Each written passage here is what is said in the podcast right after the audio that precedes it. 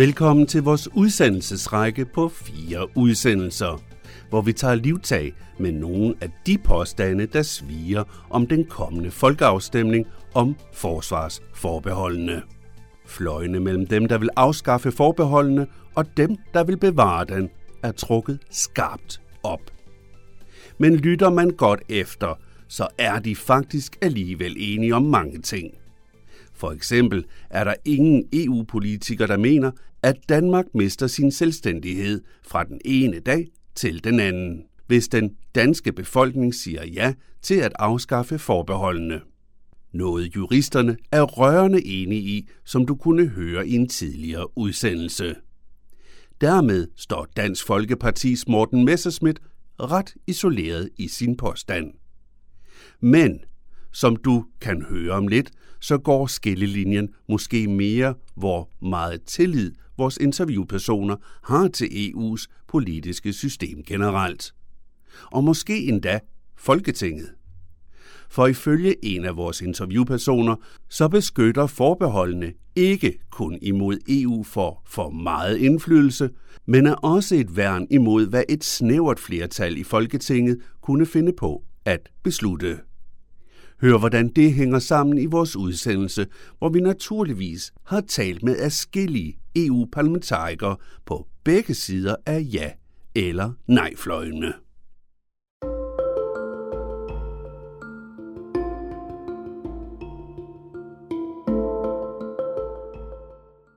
Vi vil i den her udsendelse grave lidt i politikernes argumenter for, at vi henholdsvis skal stemme ja eller nej til afskaffelsen af forsvarsforbeholdene.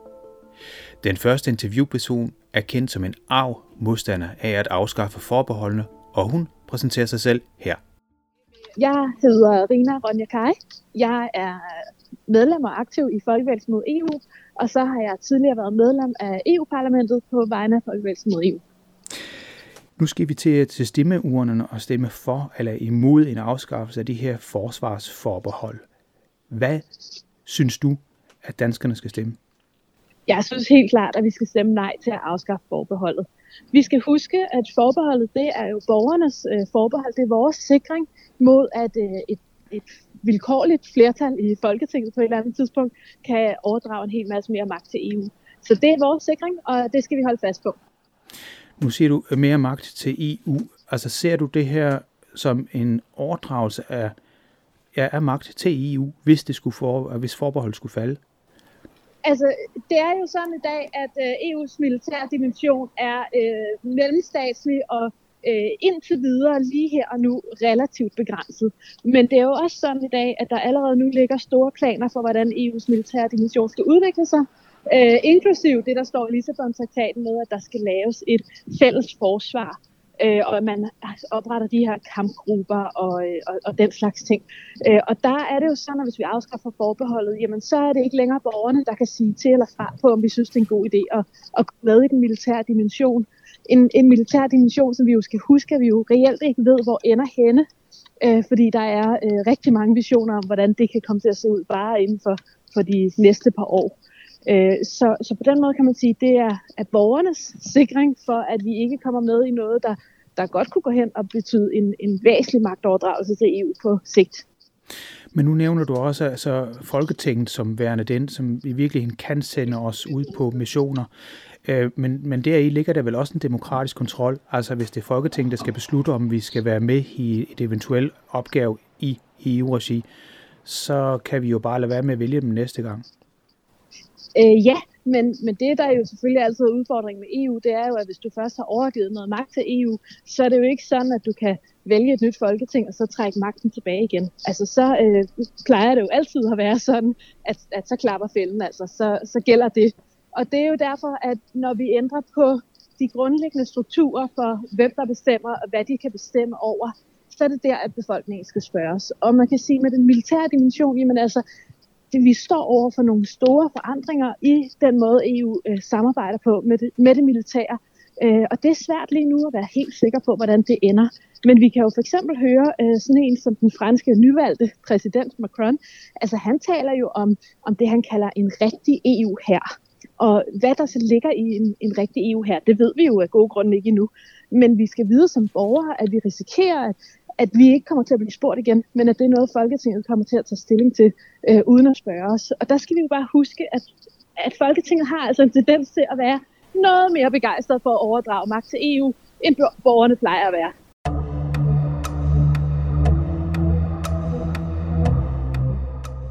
Sådan siger altså Rinja Ronja Kari fra Folkebevægelsen imod EU.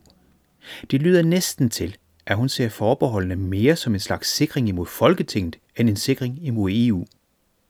Hun medgiver, at sådan som reglerne er lige nu, så er det et mellemstatsligt anlæggende. Det vil på godt dansk sige, at EU og EU-landene ikke kan trumle hen over et eventuelt nej til at deltage i en EU-ledet militæroperation. Men et af årsagerne til, at hun alligevel anbefaler et nej er, at der ifølge Rina Ronja Kari for Folkebevægelsen imod EU ligger planer om et langt mere integreret samarbejde. Hun mener, at vi ikke ved, hvad en afskaffelse af forbeholdene vil betyde på sigt. Det virker altså til, at danskerne ifølge hende skal stemme nej, fordi hun ikke stoler på hverken politikerne i Folketinget eller EU selv. Især fordi Folketingets politikere har en tendens til at være mere EU-begejstrede end vælgerne – hedder det. At hun har en pointe ses ikke mindst af den sidste EU-afstemning i 2015, hvor vi stemte om de såkaldte retsforbehold. Her var der kun 46,9 procent, der sagde ja til at afskaffe det forbehold, på trods af, at det store flertal af partier anbefaler netop en afskaffelse af de forbehold. Kun Dansk Folkeparti, Liberal Alliance og Enhedslisten ville ikke af med forbeholdene. Men er der enig grund til den frygt for afskaffelse af forbeholdene? Jeg spørger hende det her spørgsmål. Men se, du sagde også, at det var mellemstatsligt anlæggende det her. Det betyder jo faktisk, at Danmark forløbig, også selvom vi deltog i det her, jo egentlig har en vetoret. Men du siger altså, at det kan risikere at udvikle sig til noget, hvor vi ikke har vetoret mere. Ja, det er jo noget, vi har set på en lang række andre EU-områder, at man er startet med at, at lave det mellemstatslige med vetoret og alle mulige forbehold, og så har man ligesom taget skridt for skridt og, og fjernet vetoretten.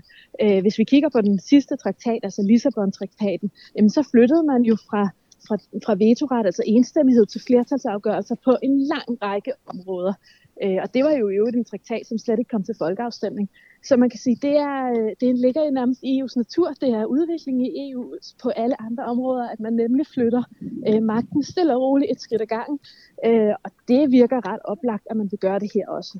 Og, og det virker ekstra oplagt, når man ser på, hvad er det så for nogle meldinger, der kommer fra, fra EU-toppen, og der kan man sige, at øh, mine gamle kollegaer i EU-parlamentet for eksempel, altså de snakkede ofte og jævnligt om, hvordan at, øh, det der vetoret, det bare var i vejen, og det var altid så besværligt, og det var også de dumme medlemslande, der sagde nej til alting.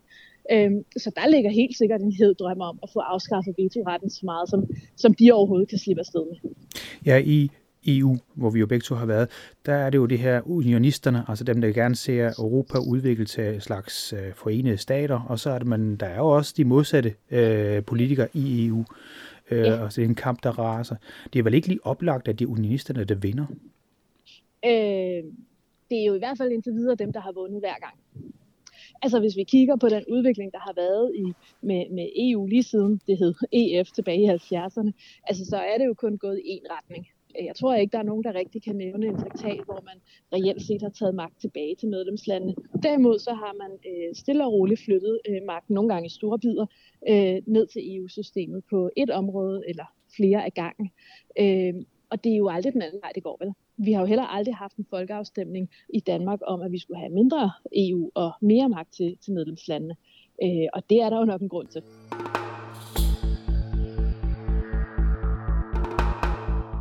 Sådan forklarer Sarina Ronja Kari fra Folkebevægelsen imod EU. Men, som du siden skal høre, så er det jo ikke en afstemning for eller imod mere union, vi skal til stemmeurnerne om. I en tidligere udsendelse kunne du i øvrigt blandt andet høre jurister, der fastslog, at det eneste forbehold gør, det er at holde Danmark uden for indflydelse. Det er, ifølge juraen, det vi stemmer om. Omvendt er hun ikke enig om at argumentere, at det er netop frygten for en glidebane, altså imod mere magt til EU, der er selve kernen i argumentationen for at bevare det her forbehold også. Jeg giver Rina Ronja Kari ord tilbage med det her spørgsmål. Nu, når man spørger jurister, så siger de, at for at kunne gennemskue det, vi egentlig skal til stemmeurnerne for, der skal man være ualmindeligt godt bevandret i jura. Regner det her sig i virkeligheden til en folkeafstemning? Jeg er sådan set ikke helt enig i, at man behøver at være øh, godt bevandret i jura for at tage stilling til det. Det her det handler jo grundlæggende om, hvad er det for et, øh, hvad, hvad er det for et samarbejde, vi gerne vil indgå i øh, hvordan vil vi gerne samarbejde, også på europæisk plan, om forsvar og sikkerhed. Øh, og vi har jo øh, som, som land øh, ret mange muligheder, og, og indgår allerede i dag i rigtig mange forskellige typer af, af forsvars- og sikkerhedssamarbejde, også på europæisk plan. Øh, altså NATO er selvfølgelig øh, det store, og ikke kun europæisk, men, men derudover har vi også en stribe andre. Øh, så man kan sige, det som vi som borgere skal tage stilling til, det er jo, om, om vi ønsker, at, at EU skal tage endnu et skridt hen mod, ja, kalde det Europas forenede stater, vi kan kalde det alle mulige ting, men at, at man ligesom udbygger det med den her øh, militære dimension, om Danmark skal være med i, i den udbyggelse, eller om vi i virkeligheden øh, hellere vil samarbejde på nogle andre måder, nogle andre præmisser, hvor man for eksempel ikke hele tiden har et fokus på at, at styrke øh, unionen. Og man kan sige, hele det her med at hvad er det for en udvikling EU har, jamen det har man jo sådan set skrevet ind i traktaterne, nemlig at man arbejder hen imod en stadig snævrere union, kalder man det. Altså en, en union, der stadigvæk hele tiden skal blive stærkere på bekostning af medlemslandene. Og det er jo egentlig grundlæggende det, vi tager stilling til. Altså har vi lyst til, at Danmark også skal være med i det, eller vil vi faktisk gerne øh, bevare noget magt tilbage øh, her, og så sørge for at have et godt internationalt og europæisk samarbejde, der hvor det giver mening. Så du ser egentlig den afstemning mere i retning af ja eller nej til et mere snævert samarbejde, altså mere over, hvad skal vi kalde det, mere, mere, mere, meget større end bare forsvarssamarbejde? Ja, det er klart, at altså, det er jo en, en del af hele debatten om EU, og hvor vi skal placere os i EU. Så, så det synes jeg da, at, at det naturligt er en, en større diskussion end bare forsvarspolitik. Men, men jeg synes jo også, at man skal, man skal huske, at lige præcis det her med forsvarspolitik, altså det er jo også virkelig ind i, hvad skal man kalde det, kernen af, af spørgsmålet om, om, vores, øh, om vores lands sikkerhed, om vores øh, strategiske placering i forhold til, hvordan vil vi gerne øh, fungere i verden i forhold til måske at fremme fred eller at, gå aktivt i krig. Og der kan man sige, at det, som, som ligger på bordet i EU, det er jo øh, kampgrupper, der skal kunne sættes ind i særdeleshed i Afrika, hvor at Frankrig har nogle interesser, som de rigtig gerne vil have, at, at, øh, at EU-kampgrupperne skal understøtte og, og være aktive omkring. Er, er det den vej, vi vil gå, eller vil vi hellere gå en, en hvad skal man sige, fredsbevarende øh, vej, hvor vi måske kigger lidt mere på både på NATO og på FN og på nogle af de andre ting, vi har i dag i Europarådet, i forhold til, hvordan kan vi øh, være en fredsskabende nation i verden. Og når jeg nu nævner ting, som ofte bliver nævnt øh, som et argument for forsvarsforbehold, og jeg nævner dem lige i flæng, det ene af dem det er krigen i Ukraine, og det andet er et muligt genvalg af Trump. Det får dig ikke til at tænke, at det måske skulle være en god idé med forsvarsforbeholdene afskaffet? Altså, vi må jo holde fast i, at krigen i Ukraine og forsvarsforbeholdet har ingenting med hinanden at gøre. Og det har øh, statsministeren sagt, det har øh, den tidligere forsvarsminister sagt, det har udenrigsministeren sagt. Altså, forsvarsforbeholdet har ikke nogen betydning for krigen i Ukraine. Øh, og det, jeg ved godt, at der er en del på jeres der godt kunne tænke sig at sige, at det er også på grund af det og sådan noget. Men, men prøv at høre her, det gør ikke nogen forskel overhovedet for krigen i Ukraine, om vi afskaffer vores forsvarsforbehold. Du skal heller ikke bilde mig ind, at Putin han ligger vågen om natten og spekulerer på, om Danmark nu kommer til at afskaffe sit forsvarsforbehold. Han er fløjtende ligeglad.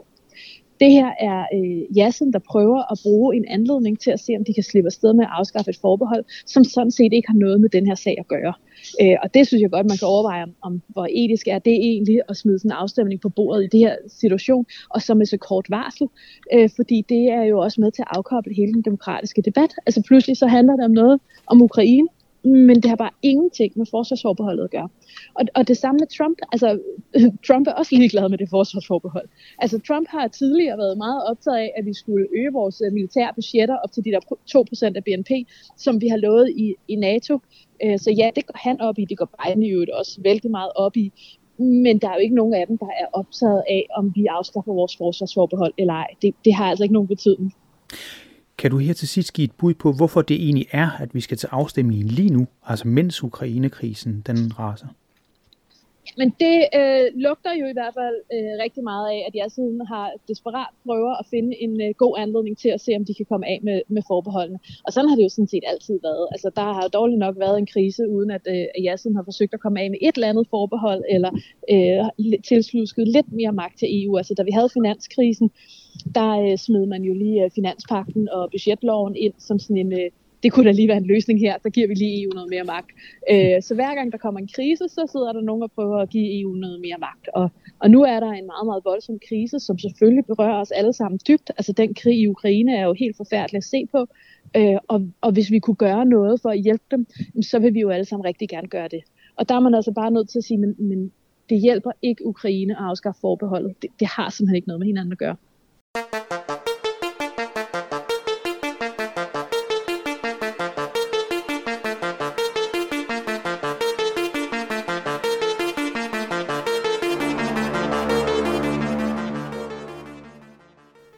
Så vidt Azarina Ronjakari, tidligere europaparlamentariker for Folkebevægelsen imod EU. Hun mener altså, at det er ja-siden, der udnytter en krise til at få listet et ja igennem.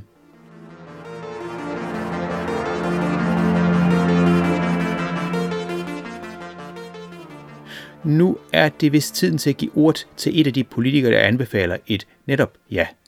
For her er man mildst talt ikke enig i den beskyldning. Men i første omgang tager vi dog udgangspunktet i de mange opslag, der findes på de sociale medier, der påstår, at en afskaffelse af forbeholdene vil medføre en EU-ledet her. Noget, der har fået Venstres Morten Lykkegaard i Europaparlamentet til at blæse til kamp imod fake news. Han fastslår over for os, at der ikke er tale om nogen EU her, som skal afskaffe NATO. Men på den anden side har vi netop hørt, at det kan være en glidebane, så passer det, at en afskaffelse af forbeholdene kan føre til en EU her, som den franske og jo nyvalgte præsident er blevet citeret for at ønske sig? Jeg har besøgt og spurgt Pernille Weiss, som er valgt ind i Europaparlamentet for det konservative Folkeparti, og hun svarer sådan her på spørgsmål. Nej, det er forkert. Øh, det her det er et mellemstatligt samarbejde, ligesom vi kender det fra NATO, hvor hvert land selv bestemmer, hvad man stiller med, og hvad man øh, øh deltager i. Så det er ganske enkelt ikke rigtigt. Vi får ikke nogen EU her ved at stemme ja til at fjerne forsvarsforbeholdet. Nogen vil sige, at det er en glidebane. Det kan godt være, at det ikke er lige nu og her, men lige om lidt, så kommer der alligevel en EU her. Det er også forkert, fordi øh, hvis der skulle komme en EU her, så skal alle lande, inklusive Danmark, i enstemmighed blive enige om at lave et overstatligt øh, samarbde og så længe blandt andet Danmark, men også rigtig, rigtig mange andre EU-lande ikke vil det, så bliver det ikke til noget. Vi er end ikke i nærheden af en glidebane. Du nævnte ordet mellemstatsligt, det hører man ret ofte. Kan du ikke lige prøve at forklare, uh, Pernille Weiss, hvad betyder det sådan på godt dansk, når det er mellemstatsligt? Jamen det betyder, at landene mellem hinanden skal blive enige om, hvad man gerne vil samarbejde omkring. Det vil sige, når det ikke er et overstatsligt, så er der ikke nogen oven over staterne, der bestemmer hen over hovedet på Mette Frederiksen og en, til, den til enhver tid siddende statsminister, og det er til enhver tid siddende flertal i det danske folketing. Når det er mellem stater, så er det et ligeværdigt samarbejde, hvor ingen kan tvinge noget til mere, end det man gerne vil være med til. Nu hedder det jo et forsvarsforbehold, altså noget, vi ikke skal være med i. Hvad er fordelen så, hvis man sletter det? Jamen fordelen er blandt andet, at vi kommer til at være med i øh, noget, der hedder PESCO, øh, og vi kommer til at være med i at sidde ved bordet i forhold til udvikling af EU's forsvars- og sikkerhedspolitik. Det vil sige, at vi har mulighed for også at, at have indflydelse på, hvad er det for nogle analyseapparater, hvad er det for nogle konklusioner i forhold til trusselsbilleder, hvad gør vi mere præcist ved cybersikkerhed, øh, hvad gør vi i forhold til pirateri, hvad gør vi i forhold til en masse forskellige konkrete trusler, men også der, hvor EU skal ud og være en del af den fredsbevarende øh, indsats rundt omkring i verden, og især i forhold til, til Afrika, hvor vi jo ved, at vi blandt andet på grund af befolkningstilvæksten og klimakonsekvenserne ser ind i en fremtid, hvor der kan komme endnu flere illegale migranter, og det kan skabe nogle meget voldsomme konfrontationer imellem øh, Afrika og EU, at der skal vi have mulighed for som danskere at være med til at designe, hvordan er det, vi undgår øh, konflikter, hvor mennesker øh, mister liv, øh, og hvor, hvor, hvor tingene kommer ud af, af hænderne på os. Og det får vi mulighed for ved at sidde med til bords, i stedet for, som det er i dag, langt hen ad vejen, at være observatør Øh, observatører har jo ikke nogen stemmeret. De har sådan set heller ikke nogen taleret, medmindre de andre bliver enige om, at, at det må vi godt en gang imellem. Øh, ved at fjerne forbeholdet, så sidder vi altså med ved bordet, og de andre skal lytte på, hvad vi siger. Det har en kæmpe værdi, især for sådan et lille land øh, som Danmark, men også et lille land, som øh, er udstyret med en ret høj kompetenceprofil. Altså vi er jo et klog lille befolkning. Vi er veluddannede, vi er gode til at se komplekse udfordringer og finde bæredygtige løsninger. Øh, det ser vi, at øh, danske ingeniører er anerkendte. Vi ser, danske soldater på øh, NATO-mission er anerkendte, fordi vi er kvikke pæren og gode til at finde pragmatiske løsninger. Det har Europas øh, forsvars- og sikkerhedssamarbejde i den grad brug for. Det her kontor, som i dag udgør det, som vi har sagt nej til igennem forsvarsforbehold, det er besat af 188 mennesker, det kan rumme 220. Det lyder ikke så voldsomt i virkeligheden, men det har stor indflydelse, kan jeg forstå. Det har ud over den praktiske indflydelse, at vi så på den måde kommer med i alle møder og i alle arbejder på, på ligeværdige vilkår med, med andre, der ikke har et forsvarsforbehold. Så at tager det naturligvis også den indflydelse, at, at vi hermed signalerer, at vi gerne vil være med som en god kammerat og en samarbejdspartner med resten af, af EU til at passe godt øh, på vores frihed, vores værdier, vores demokrati, men også når det virkelig gælder, når der er nogle lande i Europa, der bliver truet på en måde, så det også er en trussel mod os så kan man regne med Danmark. Så der ligger også, det bliver jeg nødt til også at indrømme, der ligger en stor psykologisk øh, værdi i, at øh, vi ikke hver gang, at øh, noget handler om forsvars- og sikkerhedssamarbejde, så skal vi hen og rode i en stor bog for at finde ud af, hvad er det lige, vi må og ikke må, for det der forbehold, som jo er 30 år gammelt.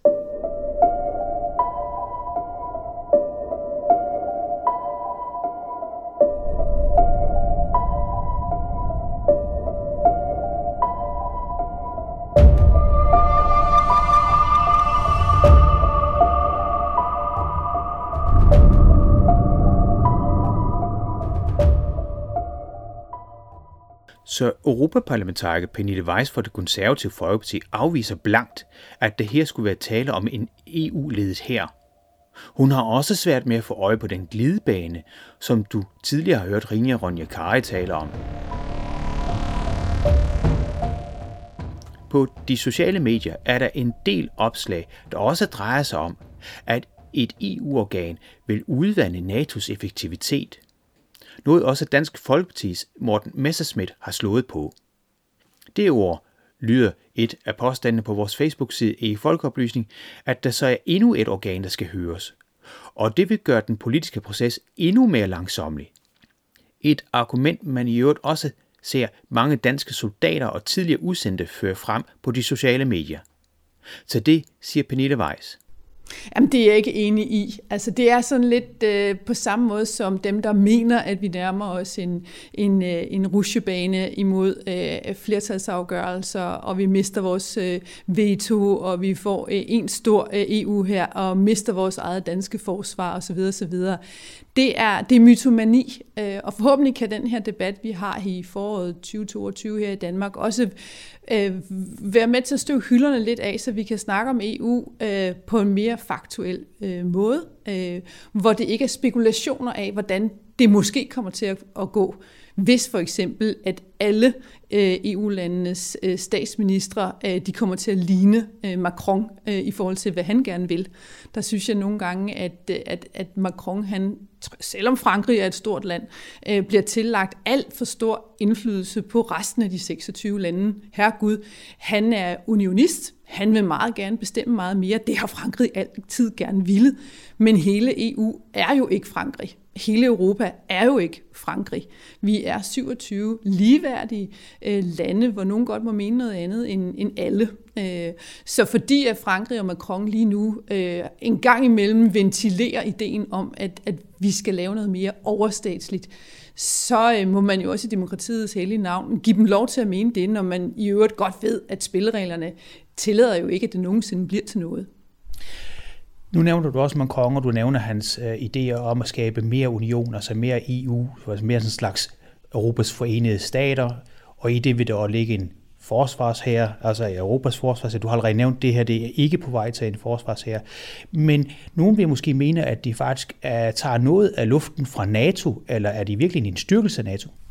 Jeg ser det helt klart som en styrkelse af NATO, at man ud over øh, de europæiske medlemmer i NATO, øh, de fleste EU-lande jo er medlem af NATO, at vi ud over at tale på egne vegne med vores egne nationale medlemskaber af NATO, nu også kan tale endnu tydeligere som en samlet gruppe. Altså at EU-landene også, øh, når især at, at, at om jeg så må sige, kuglerne flyver lavt og tæt på os, øh, at der skal man ikke bruge enorm lang tid på at finde ud af, hvad mener vi så om det?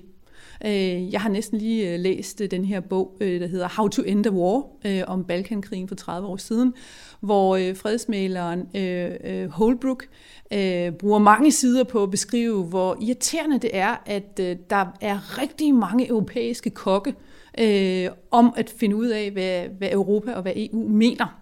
Der er både statsregeringschefer, og så er der jo også øh, FN inde over, og der er nogle, øh, nogle store øh, personligheder i NATO, plus at der er EU, både EU-kommissionen og enkelte EU-kommissærer, og så er der så statslederne fra de forskellige europæiske lande, som i indimellem en stor pærevælling har meninger om, om man skal gå til højre eller venstre, eller man skal skyde med løs krudt, eller nu skal man sætte sig ved forhandlingsbordet og finde en mindelig løsning løsning osv. osv. Og det duer jo ikke.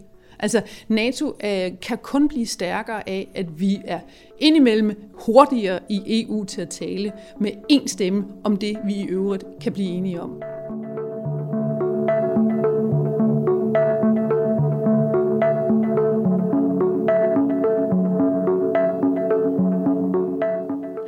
Sådan siger altså Pernille Weiss, som sidder i Europaparlamentet for det konservative Folkeparti. Hun mener altså, at EU's militærdimension faktisk styrker NATO. Af samme årsag er det en god idé at afskaffe forsvarsforbeholdene. Det kan meget vel være, mener vores kommende interviewperson. Men pointen er faktisk en anden. Og den kommer her, hvor vores interviewperson præsenterer sig selv. Mit navn er Nikolaj Willumsen. Jeg er medlem af EU-parlamentet for Enhedslisten, og jeg vil anbefale, at man stemmer nej til at afskaffe forsvarsforbeholdet 1. juli. Hvorfor vil du det? Er det ikke en god idé at komme af med et forbehold, som nu har eksisteret siden ja, i mange år efterhånden, så de kan risikere at være forældet? Jamen helt grundlæggende så ser jeg hellere EU som fredens projekt, end som et militært projekt. Og forbeholdet er den danske befolknings forbehold, og en afskaffelse er en meget øh, stor beslutning, som som betyder, at vi aldrig kommer til at få forbeholdet igen. Så jeg synes ikke, det skal øh, hastes øh, igennem øh, uden øh, tid til analyse og, og omtanke. Det er derfor, at jeg hellere ser, at vi bevarer øh, forsvarsforbeholdet, for som den tidligere forsvarsminister Trine Bremsen øh, fra Socialdemokraterne har sagt, jamen, så er det ikke, øh, der er ikke noget, vi er blevet forhindret i at deltage i, som vi gerne vil øh, deltage i. Dog er det sådan, at hver gang vi vil deltage, så går der et stort embedsmændsapparat i gang, som skal vurdere, hvordan vi kan deltage og på hvilken betingelse vi kan deltage. Det er meget juridisk teknisk. Det er noget med, hvis det er EU, der er hovedansvarlig, og det ikke går på skift mellem landene, for eksempel som de gjorde ved piratjagterne, så kan Danmark ikke uden videre deltage. Men, men så vidt jeg kan høre, så, så synes du alligevel, at vi skal afskaffe det, og så samtidig så siger du egentlig også, og det synes jeg også er meget interessant, at at de ikke er gennemanalyseret endnu. Øh, kan du prøve at forklare lidt nærmere, hvad du mener? Jamen, jeg synes, vi skal bevare øh, forsvarsforbeholdet. Jeg mener, det er meget vigtigt, og jeg synes, at, at det er vigtigt at, at være opmærksom på, at når man, når man tager en folkeafstemning med så kort varsel og så hurtigt, og i en tid, hvor der sker så meget, som der gør med EU's militære dimension, så har vi i virkeligheden altså så ved vi i virkeligheden ikke, hvad vi stemmer om. Altså fordi EU's militære dimension er i, i meget hastig udvikling. Vi har lige set den franske præsident Macron genvinde øh, præsidentposten i Frankrig. Han, han holder jo aldrig igen med at sige, at han ønsker en, en EU her. Han ønsker at afskaffe vetoretten for landene på udenrigs- og, og sikkerhedspolitikken. Han vil gå meget langt, øh, og han er ikke alene. Det samme ved den tyske øh, regering og, og Ursula øh, von der Leyen og, og forresten også et, et flertal i EU-parlamentet. Så der er rigtig mange, der gerne vil have, at EU's militære samarbejde udvikler sig øh, rigtig meget. Øh, og, øh, og derfor er spørgsmålet jo i virkeligheden, hvad er det, hvad er det vi vi stemmer om. Hvad er det for et samarbejde, som, som Danmark lige pludselig øh, kan blive bundet af? Og, øh, og det ved vi i virkeligheden ikke. Øh, og derfor er det sikreste at bevare øh, forsvarsforbeholdet og så følge den udvikling, som, øh, som sker. Øh, og så kan vi jo altid tage en ny diskussion af, om vi vil, om vi vil afskaffe øh, forsvarsforbeholdet, eller om vi vil, vi vil bevare det. Så hvis jeg forstår dig rigtigt, så synes du simpelthen, at det her det går for hurtigt, at der ikke er tid til at sætte sig ind i noget, som, som reelt set er meget teknisk. Øh, og det er derfor, du umiddelbart siger, at man skal stemme nej, fordi når det er så teknisk, og vi ikke rigtig ved, hvad vi stemmer om, så er det bedst og mest sikrest at bevare det. Er det rigtigt forstået? Der er ingen tvivl om, at, at det er en stor beslutning at afskaffe øh, forsvarsforbeholdet. Det er da klart, der også er teknik i det, men jeg synes i virkeligheden rigtig meget også, at det handler om befolkningens medbestemmelse. Altså det handler om, om man øh, som borger vil have medbestemmelse på, øh, hvad det er for en, en øh, øh, altså hvad det er, Danmark skal være en del af. Og, og virkeligheden er, at vi ved ikke, hvor EU's militære dimension øh, bevæger sig henad. Og udviklingen går meget øh, stærkt i ly af den øh, altså fuldstændig forfærdelige situation med Putins angreb på, på Ukraine. Så når vi tager sådan en folkeafstemning her med så kort varsel, og i en situation, hvor, hvor det vi stemmer om øh, er, øh, er i voldsom øh, bevægelse, og vi ikke ved, hvor, hvor, det, hvor det ender, øh, jamen øh, så synes jeg ikke, det er en, en, en, en god situation, og så synes jeg, det bedste man kan gøre, hvis man er i tvivl om det er fornuftigt at, at afskaffe øh, vores øh, forsvarsforbehold, det er at, at stemme nej øh, og bevare det. Rent teknisk så er det jo sådan, at Danmark som land altid kan sige ja. Forstår jeg det rigtigt, når jeg hører dig sige, at det her egentlig beskytter os lidt imod, at Folketinget måske følger EU øh, i retning af EU's ønsker? Jamen, der er ingen tvivl om, altså, at hvis vi, hvis vi ser på, hvad, hvad, hvad Socialdemokratiet sagde for, for ganske kort tid siden, så har vi jo set, at den tidligere socialdemokratiske forsvarsminister Trine Bremsen har sagt meget klart, at hun har jo siddet med til alle øh, møder øh, i Bruxelles. Hun sidder med, altså Danmark sidder med ved bordet, selvom vi har et, et forsvarsforbehold, så det her er ikke en diskussion om, hvis vi er med ved bordet eller ej. Danmark er med ved bordet. Men til gengæld har hun fortalt, at det hun kan se sker, det er, at der bliver lagt pres på de lande, der er med, for at bidrage til konkrete militære operationer. Og det er klart, at det øjeblik, at forsvarsforbeholdet afskaffes, jamen så øh, vil Danmark være et af de lande, som man kan sidde der i Bruxelles og, og lægge pres på. Og så kan et snævert flertal i Folketinget jo vælge at gå med i, i militære operationer rundt omkring, der hvor EU har sine militære operationer, altså hvor der er soldater sendt afsted under EU-flag og med EU øh, øh, på, øh, på skuldrene, jamen det er i øh, hovedsageligt i tidligere franske og belgiske kolonier i, i Afrika. Og der må man jo spørge sig selv, hvad er det for nogle missioner, som man mener, Danmark skal øh, bidrage til, hvor NATO ikke ønsker øh, at, øh, at stå for missionen, og hvor FN øh, ikke står for, for missionen. Og der må sige, der har den danske befolkning en sikkerhed for i dag, at man ikke har et snævert flertal i Folketinget, der trækker os med øh, i sådan nogle missioner. Det har vi ikke, hvis vi afskaffer forsvarsforbeholdet, og, og hvis vi lytter til den tidligere socialdemokratiske forsvarsminister, så ved vi, at vi kan blive lagt under et massivt pres øh, fra de andre EU-lande og fra EU-toppen for at, at bidrage til, til sådan nogle missioner. Og det gør mig utryg, øh, og det gør, at jeg mener, at vi er langt bedre stillet som, som borgere i Danmark ved at, at bevare øh, forsvarsforbeholdet, se hvor udviklingen går hen for Macron, den franske præsident og den tyske regering held med og, og øh, deres visioner om EU her og øh, afskaffelse af øh, vetoretten for landene på udenrigs- og sikkerhedspolitikken, jamen så, øh, så er man jo gået i en, i en retning, som jeg tror rigtig mange af os ikke øh, bryder os om. Men vi ved ikke, hvor det ender lige nu, øh, og det er derfor, det er så virkeligheden så underligt at tage øh, folkeafstemningen så forhastet, uden tid til ordentlig øh, analyse og omtanke. Jeg synes, det er meget vigtigt at bemærke med forsvarsforbeholdet, at det ikke handler om forsvaret af Danmark. Altså EU's militære samarbejde består ikke i opstilling af forsvarsværker øh, mod Putin. EU's militære samarbejde består i at lave missioner øh, rundt omkring i verden, hovedsageligt i Afrika, i tidligere franske og, og belgiske øh, kolonier. Og der er spørgsmålet jo så, ønsker Danmark at sende øh, tropper øh, til de her øh, kolonilande? eller tidligere kolonilande, eller, eller gør vi ikke. Og ligeledes synes jeg også, det er vigtigt at være opmærksom på, at det heller ikke handler om, vi kan hjælpe Ukraine eller ej. Altså Danmark kan sende våben øh, til forsvaret af Ukraine, og det bør vi gøre. Vi kan støtte øh, Ukraine øh, humanitært og økonomisk. Og vi kan også øh, presse på, øh, som vi bør gøre, for at, at EU strammer øh, sanktionerne, eksempelvis med stop af import af olie og, og gas fra, fra Rusland. Alt det kan vi gøre, selvom vi har øh, forsvarsforbeholdet. Så det er ikke en diskussion om, om øh, Danmarks forsvar. EU er forpligtet til at hjælpe os militært, hvis vi bliver angrebet i dag, og det vil de også være, hvis vi bevarer øh, forsvarsforbeholdet. Og det er heller ingen diskussion af, om vi øh, kan hjælpe øh, Ukraine. Det er en diskussion af, om vi vil være med i EU's militære dimension i en hastig udvikling med operationer øh, under EU-flag rundt omkring i verden.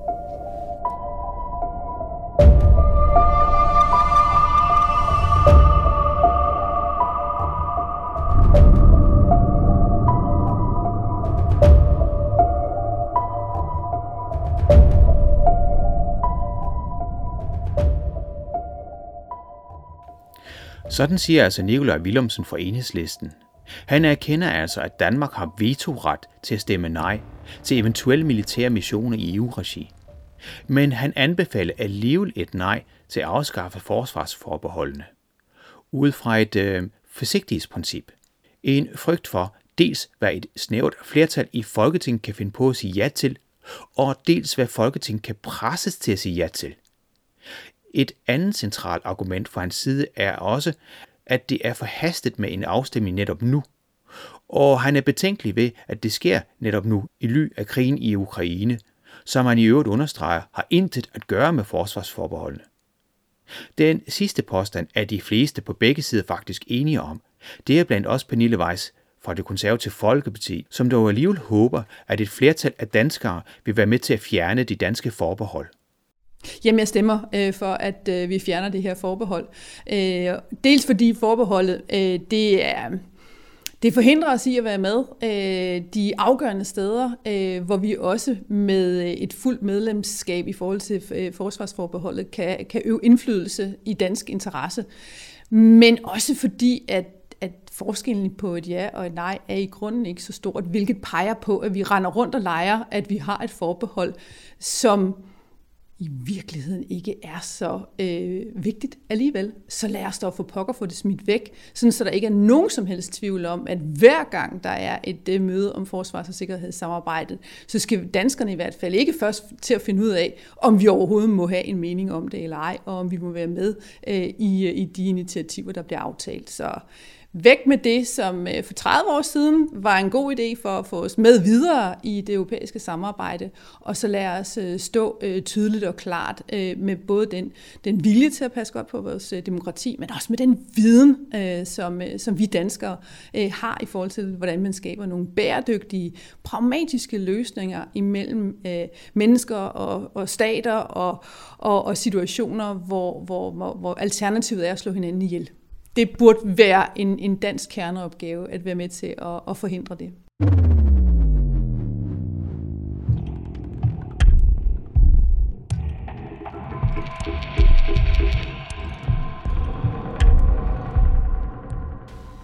Sådan sagde altså Pernille Weiss, som altså også kom med det lidt overraskende budskab, at hverken et ja eller et nej har den store betydning. Noget i øvrigt også Rinja Ronny fra Folkebevægelsen imod EU har peget på i begyndelsen af udsendelsen her. De to står på ingen måde helt alene. En udredning fra Dansk Institut for Internationale Studier, DIS i daglig tale, er nået frem til konklusioner, som godt nok kunne tolkes sådan, at de to får ret i, at forbeholdene hidtil ikke har haft en helt stor betydning. Udredningen fra 2019 pegede dels på, at forbeholdene ikke har haft nogen større betydning for Danmarks sikkerhed indtil nu, og at Danmark godt kunne og kan være med i forsvarspolitiske samarbejde med centrale europæiske lande, hvis Danmark vil. Men samtidig konkluderer Oredning altså også, at vores forbehold fremover vil få større og større konsekvenser i takt med, at EU styrker sit forsvarspolitiske samarbejde.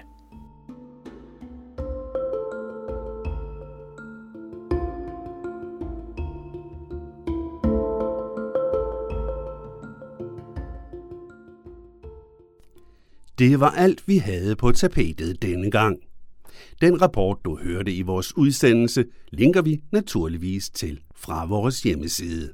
Og den har adressen radiomb.dk-eu.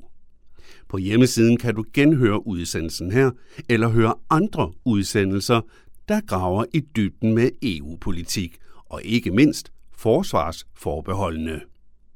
I den forbindelse kan vi lige nævne, at vi for eksempel ser på den militære betydning, som forbeholdene har.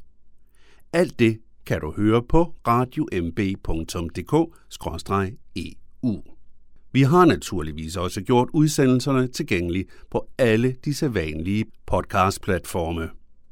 Men vi vil også gerne høre din mening. Hvad mener du, og hvorfor? Eller er du stadigvæk i tvivl?